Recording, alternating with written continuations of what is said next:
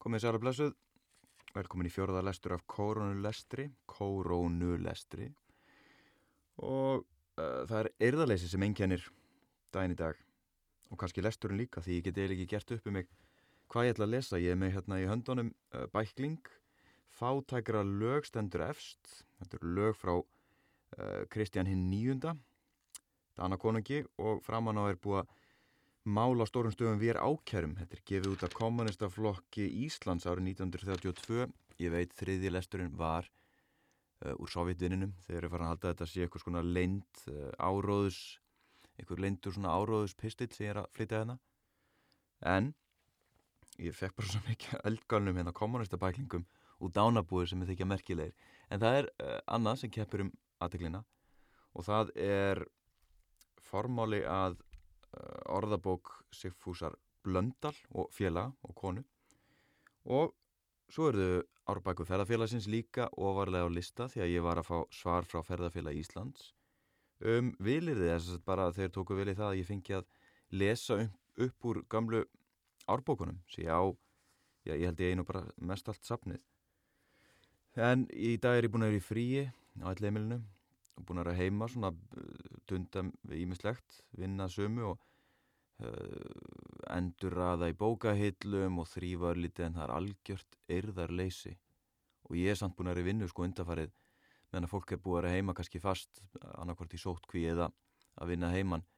Og ég get ímyndað mér að þetta getur farið já, misvel í fólk að vera heima, vera inni sko, maður getur orðið ansi eirðarlaus En ég ætla að ráða bóta á yrðarleysinu hjá mér, allan í mínu, til, mínu tilfelli og bara lesa hérna.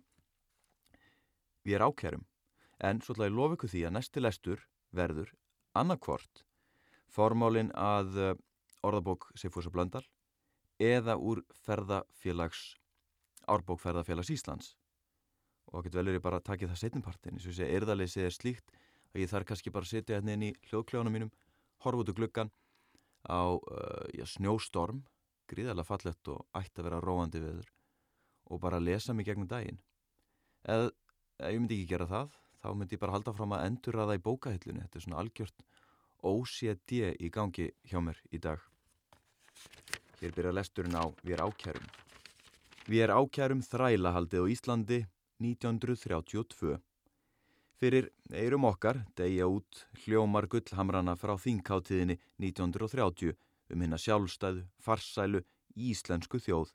Slagvarðin frjálsir menn í frjálsu landi, stór yrðinum jafn réttri allra fyrir lögunum og til okkar berast grátur og kveinstafir frá þrælum íslenska ríkisins á 20. öld. Enn er sveitaflutningur í lögum á Íslandi og nú, þegar hver hreppur, þykistur að spara Á sparnaðurinn auðvita koma fyrst og fremst niður á þeim sem ekkert eiga, á þeim sem neitað er um allt, nema að tóra og þræla á sveitar ómögunum, ekki þeim ríku og yðjulösu. Þeir eru nú heimtaðir heim úr sveitum þeim sem þeir á dvalið í, til þess að hóla þeim niður á sem ódýrastan hátt, svelta þá enn meir en áður og særa í kvívetna. Okkur byrtast nokkra myndir úr lífi og kjörum þessara fátaklinga. Gamal maður sittur grátand á rúmstokk sínum í Reykjavík Hann er heimtaður, nauðugur, fluttur, sveitaflutningi til Ísafjörðar á sinn repp. Hann vill ekki fara og sveitaflutningurinn hefur hangi yfir höfði hans sem damoklesar sverð, dögum og vikum saman. Það hefur tekið svo tögarnar hans að við frásögnin af meðferðinni getur hann ekki tára bundist. Svo meðfarin er hann að jafnvel eftir að sveita flutningnum fyrir aðgerðir atvinnleysingja nefndarinnar í Reykjavík er afstýrt. Þá byður hann kommunistan sem heimsótti hann að koma endil oftar eða líta til sín. Ung kona, komið fast að því að fæða barn, kemur inn á skrifstofu hins alþekta Guðsmanns, borgarstjórans í Reykjavík og hittir hinn landskunnu Guðskonu Guðrunu Lárusdóttur og byður um nokkra krónur til að fá sér herbyggi og hjálp meðan hún ali barnið. Maður hennar, sem hún býr með, hefur verið atvinnulegs aðeins hatt vinnu í þrjáru vikur í hálft ár. Þau eru húsnæðislaugs og á vonar völ. Guðskonan huggar hana með því að hún geti enga peninga fengið nema skoðað verði hjá þeim fyrst og tilkynni jafnframt að taka ég frá henni dótturinnar, sjó ára gamla, því faðir stúlkunar sem búið út á landi sé hættur að gefa með henni. Svo sveitin borgi meðlagið. Sveitin heimti því stúlkun að senda til sín og presturinn er gerður út til að koma því í gegn að svifta móðurina dótturinni. Gamal maður heilsu vill þykkur á sveit í Hafnafyrði en er ættar frá Norrfyrði. Milli þessara bæja tvekja sem báðum er stjórn af sósjaldemokrötum er sífældur hnota býtingur um sveitar ómaðana eins og milli allra annara bæja á landinu. Í april 1932 finnur bæjarstjórn Hafnafjörðar upp það ráð að neyta gamla manninum um allan styrk til þess að reyna knýja Norrfjörð til að taka hann að sér. Svelt af sér fátaklingin. Það þurfti úrskur frá stjórnaráðinu til þess að knýja fram útborgun styrksins og síðan er sífælt verið að klýpa af lélögum styrknum til mannsins. Jafnframt hugsa svo bæjarstjórnin til sparnaðar með því að neyða fátaklingana til að borða á almenningsmötuneyti. Það er verndun og viðreysn alþýðu heimilana í framkvæmt krata brottana. Það er viðhald og þróun hinn að helgu fjölskyldu banda sem borgarnir þykjast vera vernda. Verkamaður á besta aldri sem dvalið hefur erlendis er heimtaður heim til Íslands af ríkistjórninni vegna þess að hann neittist til að leita til sveitarnar sökum langvarandi atvinnuleysis. Sama atvinnleysið tók við þegar heim kom.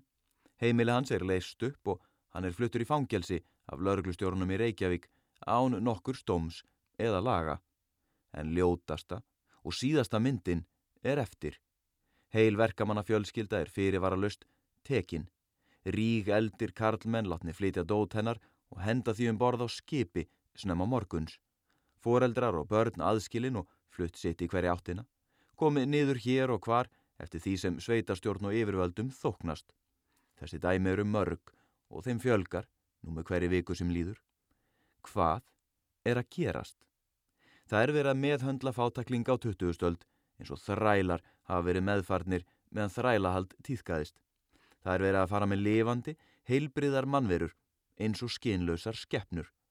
Það er verið að fótum tróða hvern snefil af réttindum sem talin eru hverju manni meðfætt síðan franska byltingin varð 1793.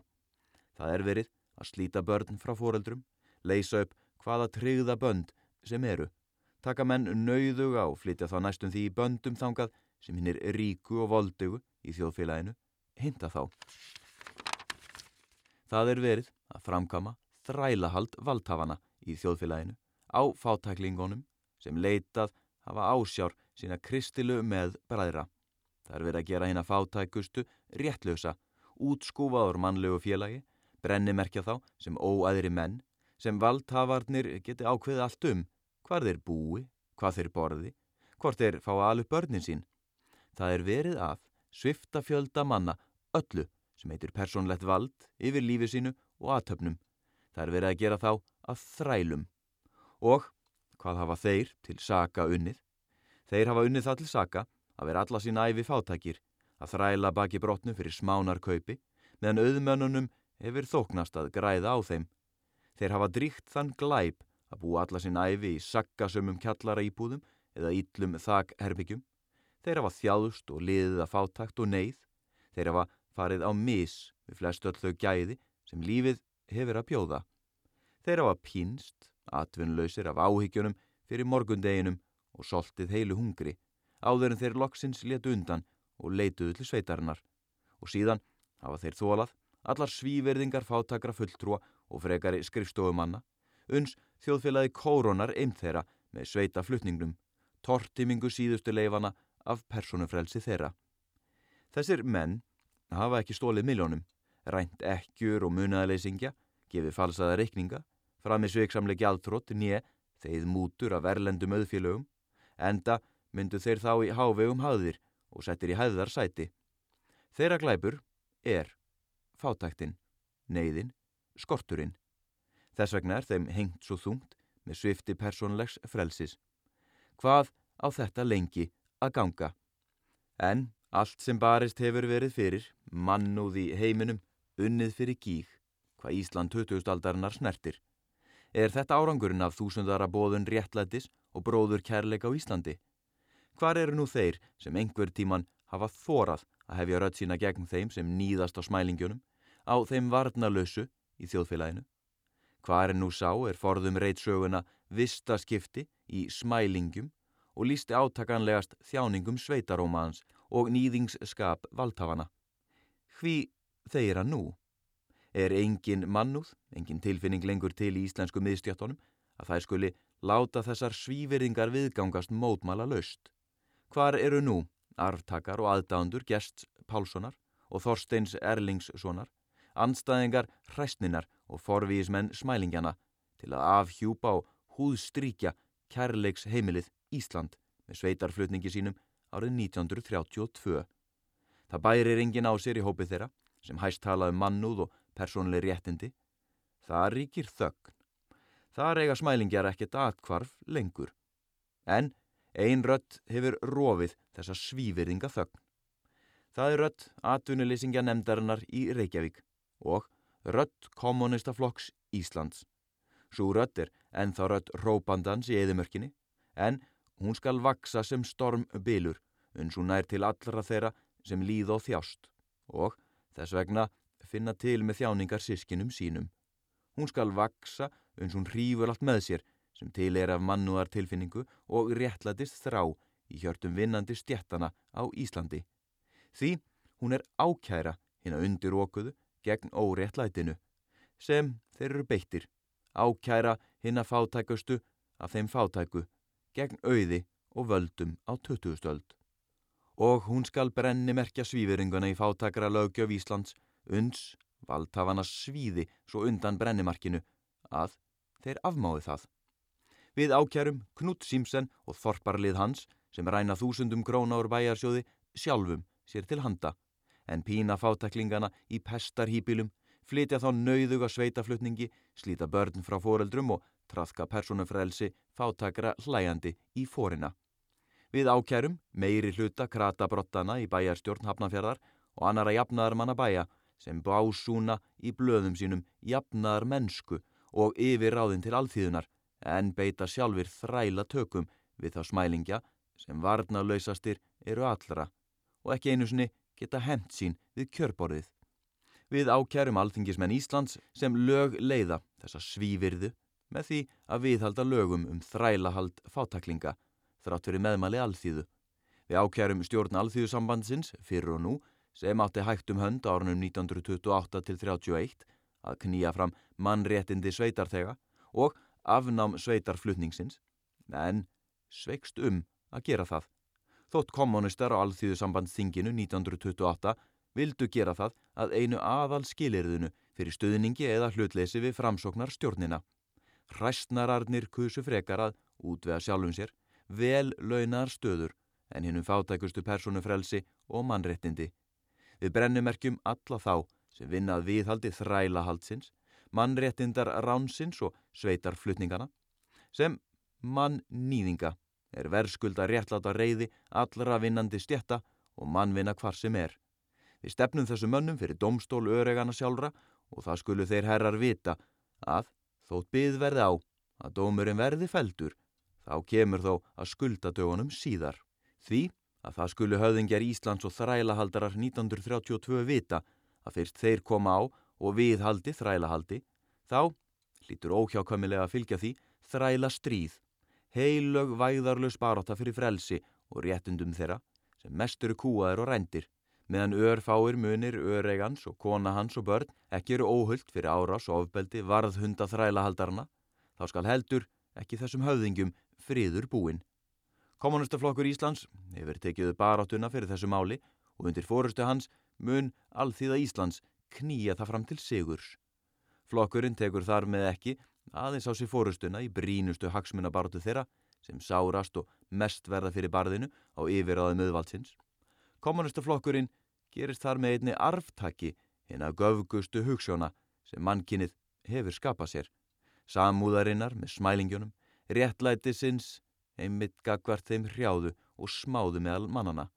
Og hann kæris ekki hót, þótt morgumblaðið, og vísir, málgögn Guðsmanna íhaldsins, stimpli hann sem Guð nýðing eins og farisegarnir Jésu frá Nazaret, eða afturhalssekkirnir um 1900 Þorstein Erlingsson. Og kommunistaflokkurinn hyrðir ekki um óp liðhlaupana í krata herbúðunum, sem stimpla hann nú sem brjálaðan flokk, þegar skinnsemi þeirra byrtist í því að viðhalda öllum svíverðingum íhaldsins.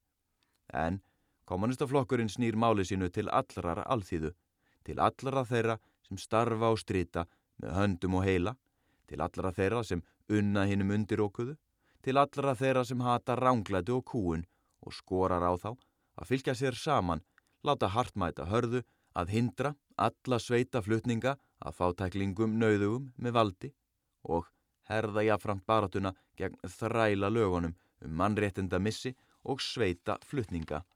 Þannig að bæir og ríki verði undan að láta. Her óp allra þeirra sem afmá vilja svífiringa blettin í íslenskri lögjöf verður að vera. Burt með sveitaflutningana, engan mannréttinda missi, fullkomnar atvinnuleisis tryggingar. Gefið út að kommunistaflokk Íslands sér prentun úr rétti Reykjavík 1932 Ísafóldar prentsmiðja HF. Jáhá, það er bara afturkvæmst að velta fyrir sér uh, hvort að við heyrum svona málflutning þessa dagana. Það er kannski eitt sem kemur svona sérstaklega upp í hugan við að lesa eitthvað sem er pólitíst sem hljóðbóka lesari, mest búin að lesa bara skaldsögur, er spurninginu hvað maður er tilbúin að lesa. Þetta að vera málgagn eða málpíp ákveðina hugmynda og já, þetta er svona spurning sem ég hef kannski ekki velt mikið fyrir mér vegna þess að uh, ég hef ekki þurft að taka afstöðu til þess. En þetta er áhugaverð pæling, hvað maður svona tengið sér við og, og hvað er líka mörkin á því að maður sé að uh, gefa, að nota rött sína til þess að sko, koma öðrum hugmyndum á framfæri sem maður kannski ekkit endilega sammála. Uh, vangavelta, persónlega vangavelta. En við ætlum að láta þetta gott heita.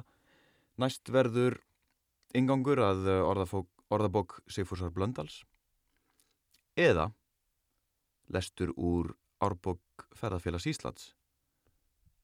Þannig til, hvaðið ykkur hafa gott farið valega, þú okkur um hendunar og ringið eldri ætningi á spjallið þið og spyrjið um bækur og lestra sög og svo framviðs, svo framviðs, svo framviðs. Eitthvað dettur eitthvað í hug. Bless.